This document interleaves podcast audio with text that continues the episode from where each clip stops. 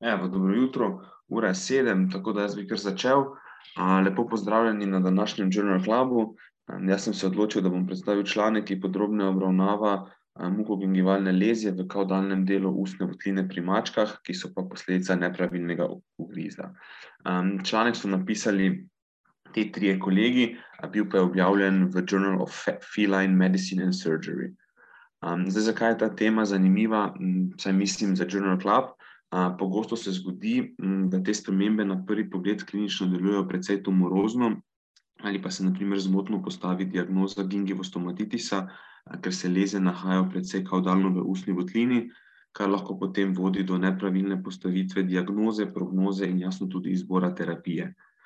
Če govorimo na primer o tumorjih ustne votline pri mačkah, se najpogosteje pojavlja ploščatocelični karcinom, pri katerem se potem lastniki nemalokrat zaradi predvide, zaradi bolj previdne oziroma slabše prognoze ne odločajo za nadaljnje postopke.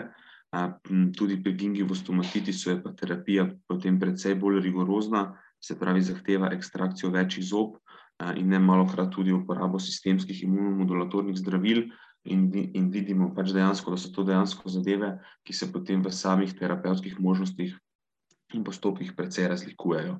Zdaj tudi pri nas je v stomatološko ambulanto prišel dvoletni maček maine coon, pri katerem je bila prvotno postavljena diagnoza gingivostomatitis. Lastnikom so potem svetovali tudi odstranitev vseh zob, na koncu pa se je dejansko izkazalo, da je v bistvu ta lezija, ki jo vidimo tukaj na sliki, posledica nepravilnega ugriza. Zdaj namen te retrospektivne študije, v kateri je bilo udeleženih sedemindvajset mačk, je bil podrobneje preučiti in opisati klinične ter patohistološke lastnosti mukogingivalnih sprememb, ki nastanejo na stičnih točkah premolarjev in molarjev nasprotnih kvadrantov, prav tako pa je bil namen spremljati potek po terapiji in odstranitvi teh lezij. Zdaj opisano je v bistvu, da se pač reaktivne lezije pojavljajo tudi precej pogosto v ustih ljudi. Glede na vzrok težav se lahko v bistvu klinično prezentirajo bodisi erozije, laceracije, ulceracije, hiperkeratoza, eritem tkiv ali proliferacija tkiva. Zdaj najpogostejši vzrok lezij v ustni votlini je seveda pri ljudeh, so so pri ljudeh pogosteje raziskani. To so ponavadi samopoškodbe, se pravi ugrizi v ustnico, jezik, potem če so prisotni ostri rogovi na bodisi poškodovanih zobeh ali na zobeh, ki so prizadeti s kariesom, potem tudi po slabih dentalnih obnovah in posegih, pa nenazadnje tudi ob zaužitju kemikalij ali zelo vroče hrane in pa potem tudi ob potencialni radio- ali kemoterapiji. Zdaj tudi pri mačkah oziroma živalih so vzroki za poškodbe v ustni votlini številni, sicer jasno niso tako raziskani oziroma pač določenih poškodbah tudi tega ne zaznamo, in ampak so vendar nenazadnje lahko podobni kot pri ljudeh. Zdaj tukaj velja omeniti tako imenovano okluzalno travmo, se pravi poškodbo, ki nastane zaradi nenormalnega kontakta med zobmi oziroma zobmi ter tkivi nasprotnih kvadrantov. Ta je lahko v bistvu posledica tako prirojenega kot pridobljenega nepravilnega ugriza oziroma malokluzije. Zdaj do tega, nekaj primerov, do tega lahko pride pri tako imenovani distokluziji, se pravi, kjer je krizna ploskva mandibularnih zob nekoliko bolj kavdalno od maksilarnih, potem pa pride do stika med grabilci mandibule, se pravi spodnjimi grabilci, in sluznice trdega neba. Zdaj tudi po ekstrakciji zgornjega kaninusa se lahko pri mačkah, ki imajo sicer normalen in pravilen ugriz, potem naknadno razvije stik in posledično draženje med, posledično draženje med mandibularnimi zobmi in mukokotanjim stikom zgornje ustnice, kar potem privede do poškodb in erozij. Zdaj pri mačkah so pa, pri mačkah so pa precej pogoste tudi gingivalne in mukozalne lezije, ki so posledica stika med četrtim maksilarnim premolarjem ter mandibularnimi tkivi, se pravi med četrtim zgornjim premolarjem in mandibularnimi tkivi, in to so tudi spremembe, na katere se je osredotočila ta raziskava, so pa bile že prej velikokrat opisane v literaturi, sicer kot granulacijsko tkivo, bodisi vnetni polipi ali pa piogeni granulomi. Zdaj samo za hitro ponovitev, je tukaj zobna formula mačke. Mačka, ja, ima sicer zgoraj tri izraščene premolarje, vendar je prvi tisti, ko manjka, zato v bistvu tukaj govorimo o četrtem premolarju, ki je tudi največji zob maksile, da slučajno pač pri potem pri nadaljem v bistvu, um, poteku oziroma študiju ne bi bilo slučajno, se pravi, zmot, zakaj pa tukaj govorimo o četrtem premolarju. Zdaj, uh, samo na hitro, materiali in metode. V bistvu študija je bila retrospektivne narave, to pomeni, da so avtori pregledali kartoteke in zapise vključenih mačk. Študija je potekala sicer v severni Italiji, vse živali pa so prišle k veterinarjem primarno zaradi nekega oralnega problema. Lezije so bile okarakterizirane, se pravi, te spremembe v ustih, kot proliferacije ali foveje, ali pa razcepi dlesni, oziroma tako imenovan gingival cleft. O teh v bistvu spremembah bom potem govoril tudi kasneje, kako potem dejansko izgledajo. Zdaj, pomembno je bilo, da je bila velikost, oblika in lokacija te lezije, da je ustrezala obliki in tudi mestu krone, nasproti ležečega zoba. To so ugotovili, se pravi, ob zaprtem pregledu, ob pregledu zaprtih ust. To je bilo pomembno zato, da je v bistvu vzrok te spremembe dejansko malokluzija. V študijo pa so bile potem, kot že rečeno, vključene mačke z to mukogingivalno lezijo na mestu stika z premolarjem oziroma na mestu stika premolarja oziroma molarja z tkivi nasprotnega kvadranta. Mačke z anembami oziroma gingivostomatisom so bile izključene iz študije. Zdaj, najprej, najprej so v bistvu pri vseh mačkah, ki so bile vključene v študijo, opravili pač čisto splošen kliničen pregled s pregledom ustne votline na budni živali, potem je bila opravljena osnovna krvna slika in pa tudi biokemija. Po potrebi, če je pač tako narekovala narava zdravstvenega stanja živali, ali je bil postavljen sum na kako drugo bolezen, pa tudi druga diagnostika. Zdaj, na to je sledil natančen pregled glave in ustne votline v anesteziji. Tukaj je bilo pomembno, kot je vajeno tudi pri bistvu kliničnih primerih, da se naredi dobra analiza ugriza in potem tudi periodontalni pregled, se pravi pregled zob, da se najde bodi si tudi kakšne druge, se pravi dentalne oziroma oralne probleme. Zdaj, pri vseh živalih je bilo opravljeno tudi rentgensko slikanje zob, sledilo pa je zdravljenje, ki je potem zajemalo, se pravi, ultrazvočno čiščenje zob, v nekaterih primerih tudi poliranje, ter kjer je bilo potem to indicirano, tudi odstranitev zob oziroma krajšanje zob in pa potem odstranitev lezija. O tem bom govoril tudi malo kasneje. V nekaj primerih je bilo potem tkivo tudi poslano na patohistološko preiskavo, kjer so potem bistvu preučevali lastnosti le-tega. Zdaj, samo na hitro za vsakega pacienta v študiji so bili potem izbrani podatki, se pravi osnovni podatki, glavni razlog oziroma težava, ki je botrovala za prihod k veterinarju, lokacija in tip leze v ustni votlini, potem kateri zobje so vključeni v malokluzijo na mestu, kjer se ta sprememba pojavlja, potem način zdravljenja, ki je bilo opravljeno, patohistološke izvide, če so bile spremembe vzročene, in nato izvid zdravljenja. Zdaj, izid zdravljenja je bil potem okarakteriziran kot bodisi popolna ozdravitev, se pravi, če je bilo mesto odstranitve spremembe na ponovnem pregledu prostovnetnega procesa in ni prišlo do morebitne ponovitve, potem eventualna ponovitev je bila okarakterizirana, v bistvu, če se je po tem popolnem izginotju spremembe potem sledila ponovna vzbrst neke spremembe na podobnem oziroma istem mestu kot prej, ali pa potem vztrajanje neke spremembe oziroma persistenca. Zdaj, nekaj besed o rezultatih. Zdaj, kot rečeno, je bilo v študijo vključenih sedemindvajset mačk, od tega je bilo v bistvu šestnajst evropskih kratkodlakih mačk, se pravi teh navadnih mačk, potem pet perzik, dve dve mački eksotične pasme in pa vsaka, vsaka po eno izmed v bistvu pasme maine coon, svinga, kartuzijka in škotska mačka. Zdaj, zakaj je to tudi pomembno? Zato ker, pasme so precej same po sebi so tukaj v bistvu pasme pomembne, zato ker se te spremembe velikokrat pojavljajo pri določenih pasmah. Velikokrat vidimo te spremembe prav pri pasmi mačk maine coon.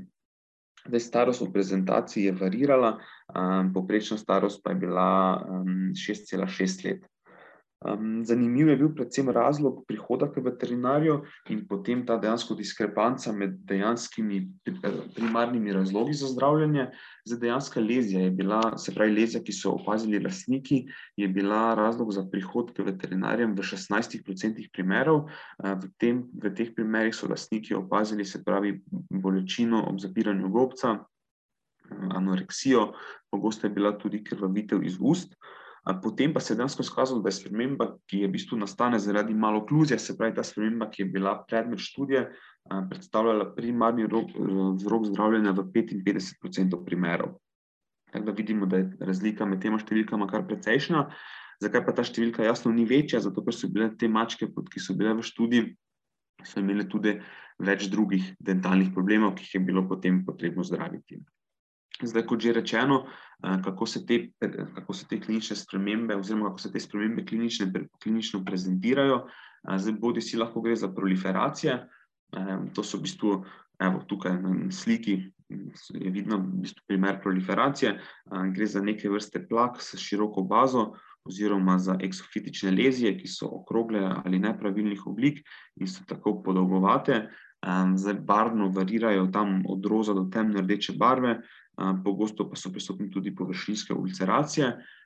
Velikost je lahko tam od dveh milimetrov pa do enega centimetra, verjetno so lahko tudi večje, toliko je bila pač največja velikost v študiji, tako da v bistvu en centimetrska sprememba je potem že kar velika in te spremembe se lahko tudi relativno dobro opazijo. Njihova značilnost je tudi, da so take mehke in fragilne konzistence, ki potem ob dotiku oziroma manipulaciji zlahka zakrvavi.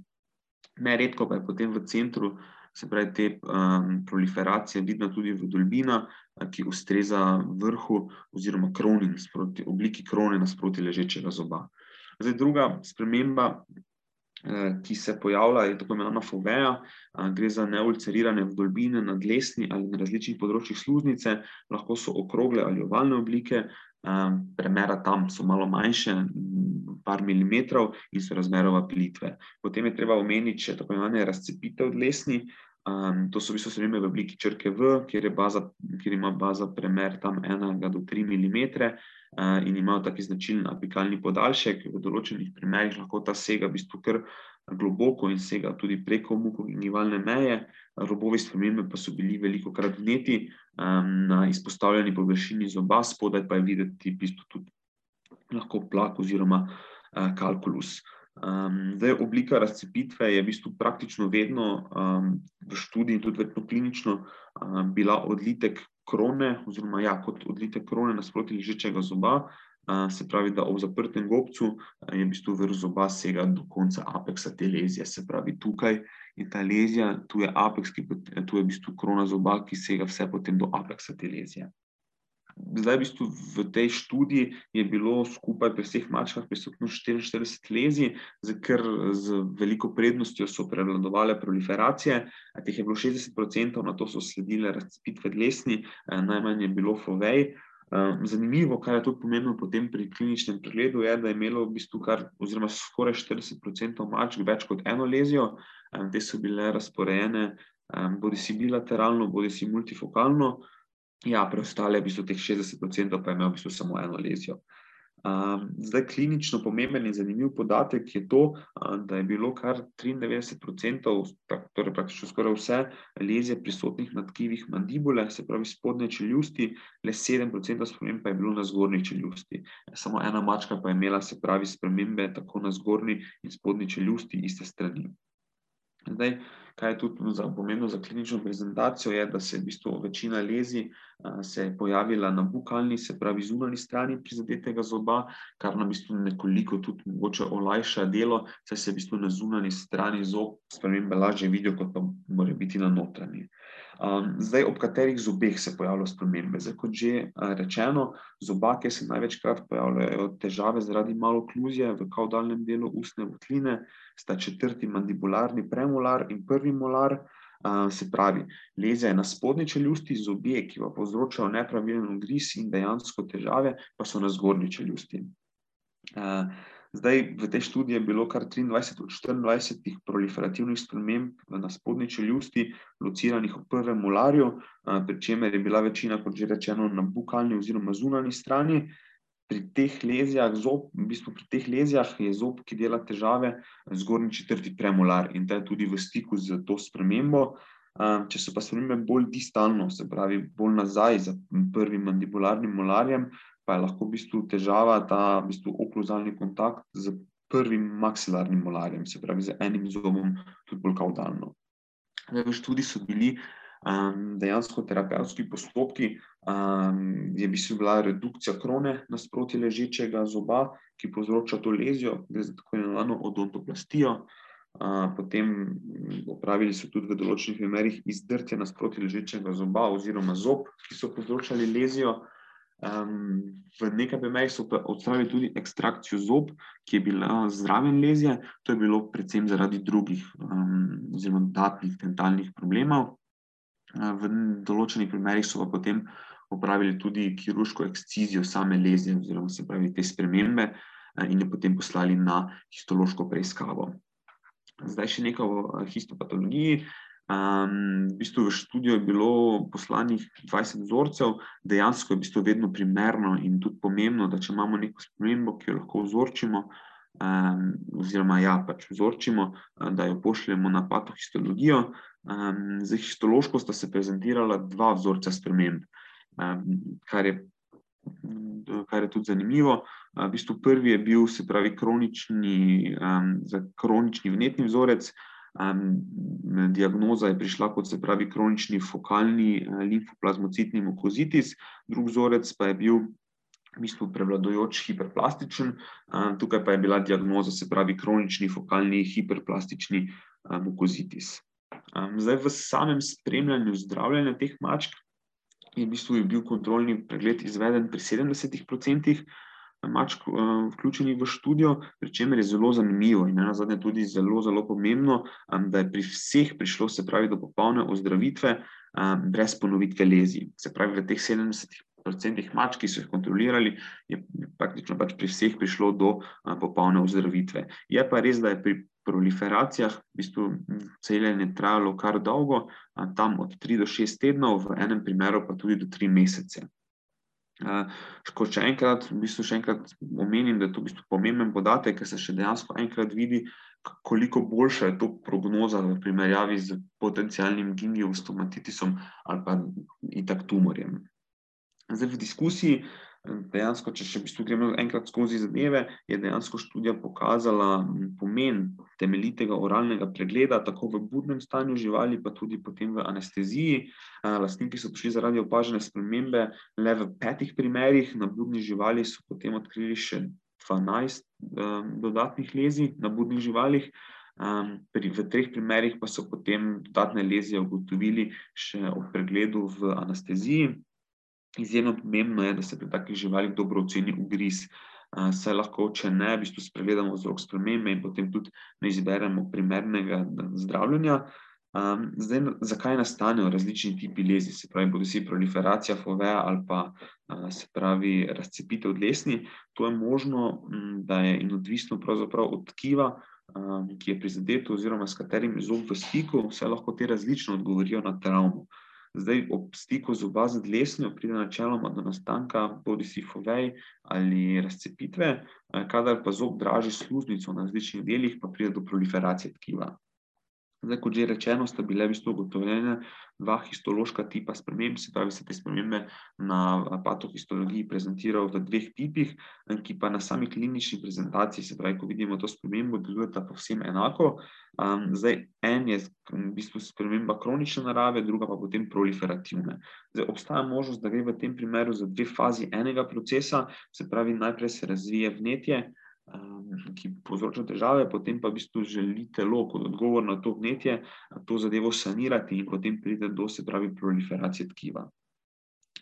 Kar je tudi zanimivo, no, je to, da sta bili ob samem pregledu, histološkem pregledu, dve spremembi najprej klasificirani kot tumorozni spremembi, tertenastega tipa, potem je šele naknadna imunohistokemija potrdila, da gre za neneoplastično naravo spremembe, in zelo verjetno, da je bila v bistvu to napaka zaradi posledica artefaktov, ki se pojavijo pri zelo površinskem odzemu vzorca, kjer je precej nekrosta. V bistvu, ko mi jemljemo vzorec te spremembe, res pomembno, da gremo dovolj globoko, da to spremembo se pravi odstranimo in jo potem v bistvu primern, primerno debel preparat pošljemo na preiskavo. Zdaj, v preteklih študijah so se proliferacije oziroma te spremembe zaradi traumatskega ugriza najpogosteje pojavljale, se pravi, med maksilarnim četrtim premolarjem in mandibularnim četrtim premolarjem in prvim molarjem, se pravi, v tem delu. To je bilo glavno mesto sprememb. Zdaj, ta študija je to potrdila. So pa bili v bistvu najpogosteje v to stiku z lezijo, se pravi, ki se pojavlja na spodnji čeljusti, um, stiku prav, se pravi, prvi, četrt, se pravi četrti maksilarni premolar, uh, prvi molar in pa v določenih primerih tudi uh, tretji um, premolar. Se pravi, gre za zobe zgornje čeljusti, ki potem povzročajo lezijo na spodnji. Kakšen je dejansko vzrok in potem tudi posledično potek te spremembe oziroma te, tega procesa, da obstaja nekaj možnosti, obstaja nekaj možnosti in pa tudi predvidevanj za eventualno možnost, da v bistvu pač pride do stika zob z tkivi sekundarno, se pravi zaradi nekega povečanja volumna tkiva, je manj verjetna. V bistvu ni bil ugotovljen v študiju noben vzrok, ki bi lahko povzročil najprej primarno, se pravi, rast tkiva in potem stik z zobom. Prav tako pa bi v tem primeru verjetno prišlo do tega, da bi se proliferacija pojavila na več mestih in ne samo na tistem mestu, um, kjer je stik z kronom nasproti ležečega zoba. Um, zdaj, ugriz, ki povzroča travmo, se lahko razvije v bistvu sekundarno uh, zaradi prirojene oziroma kongenitalne ali pa posttraumatske malokluzije. Uh, lahko pride do tega, če pride se pravi do abnormalne oziroma povečane lateralne mobilnosti mandibule. Uh, lahko v bistvu govorimo tudi o pridobljeni uh, podgrizavosti ali pa se to dejansko pojavi tudi zaradi ekspanzije alveolarne kosti. Zdaj, prirojena malo okluzija je v tej, v tej študiji verjetno razlog za manjše število opaženih lezij, ker je bila ne na zadnje poprečna starost mačk 6,6 let, pri hitro nastalih spremembah pa bi pričakovali, da se to zgodi prej. Prav tako je bilo v bistvu v študiju vključenih predvsem malo brahicefaličnih mačk, ki imajo sicer težave z prirojenimi okluzijami, so pa bile v bistvu tudi potem spremembe ugriza, ki bi dejansko lahko povzročile eh, te spremembe in ki so povezane z potencijalno kongenitalno malo okluzijo, opisane le pri štirih živalih. Zdaj, relativno malo število mačk je imelo poznano zgodovino oralne oziroma um, neke resnejše maksofacialne travme, ki je seveda vzrok za pridobljeno malo okluzijo. Um, zdaj, pomembna anatomska lastnost, lastnost mačk je tudi dejansko, da imajo pač ožjo in krajšo mandibulo od maksile, um, zato čisto fiziološko, zgornji, tretji in četrti premolar povsem prekrivata mandibularne krone, se pravi mandibularne zobe, um, in tudi pri normalnem ugrizu segata precej bukalno, se pravi, segata precej ven. Um, že malo, v bistvu, že malo povečano ta lateralna, lateralna mobilnost mandibule lahko precej poveča stik s temi tkivi in potem težave, zaradi stika potem pride do teh opisanih sprememb. Zdaj, tukaj v tej študiji dejansko niso zares ugotavljali vzroka ali pa res zelo lateralne gibljivosti, ampak je napisano v bistvu kot eden precej možen vzrok. Um, zdaj, eden izmed pomembnih faktorjev, ki je verjetno tudi klinično precej pogost, um, je to, da lahko v bistvu malo klužo povzroča izguba posameznih zob. Prisotnost vseh zob je namreč ključna za neko normalno postavitev in razmerje med zgornjo in spodnjo čeljustjo. In pa pri 16 mačkah so ugotovili, da jim manjkajo nekateri večji zobje. In to je tudi v bistvu precej pomemben podatek, ko se odločam o zdravljenju teh težav. Namreč priporočeno je začeti precej previdno, da se odstrani, se pravi, le del klorone, ki je v stiku z mehkim tkivom in povzroča težave. Um, če ne lahko pride do tako imenovanega domino efekta, se pravi, mi odstranimo en zob, ki povzroča malo okluzijo, povzroča stik z mehkim tkivom, pa se zaradi odstranitve tega zoba uh, pojavijo spremembe um, še naprej. To je bilo v bistvu um, tudi v tej študiji opazno pri eni mački, pri kateri se je v bistvu pojavil ta domino efekt in mislim, da so. Da je bilo pri njej skozi čas ugotovljeno celo sedem sprememb, se pravi, so odstranili en zob, pa se je potem sprememba kasneje pojavila na drugih mestih. Tako da je sigurna stvar, ki jo je potrebno upoštevati pri izboru zdravljenja. Um, eventualno je pa tudi vzrok malo okluzije, lahko tako, tako imenovani okluzalni drift oziroma migracija zob, če pride naprimer do izgube, um, se pravi, nasprotja ležečega zoba. Zdaj, ta proces kot tak je opisan pri ljudeh, je pa jasno možen tudi pri mačkah, se pa pri mačkah pogosteje pojavlja, se pravi, ekspanzija alveolarne kosti, pri kateri pride do proliferacije periodontalnega tkiva in posledično premika zob, se pravi v koronarni smeri. To je bilo tudi v tej študiji ugotovljeno pri nekaj mačkah. Se pa to najpogosteje pojavlja pri maksilarnih kaninusih. Zdaj, mogoče še nekaj besed uh, o sami terapiji. Um, zdaj sem že kar nekaj omenil skozi v bistvu sam potek. Um, še enkrat bi rekel, no, da je precej smiselno, da smo na začetku previdni in ostranimo del krone, ki povzroča lezijo.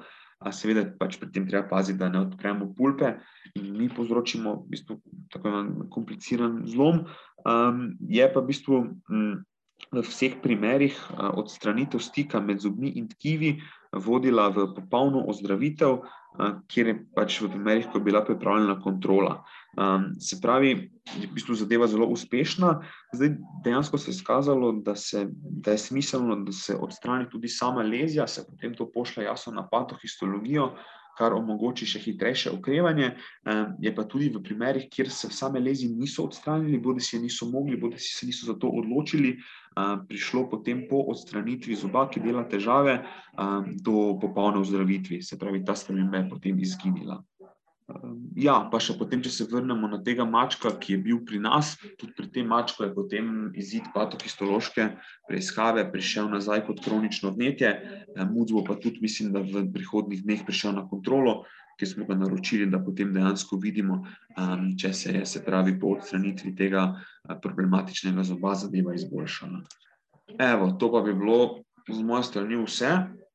Pa hvala za pozornost, pa vam želim še lep dan.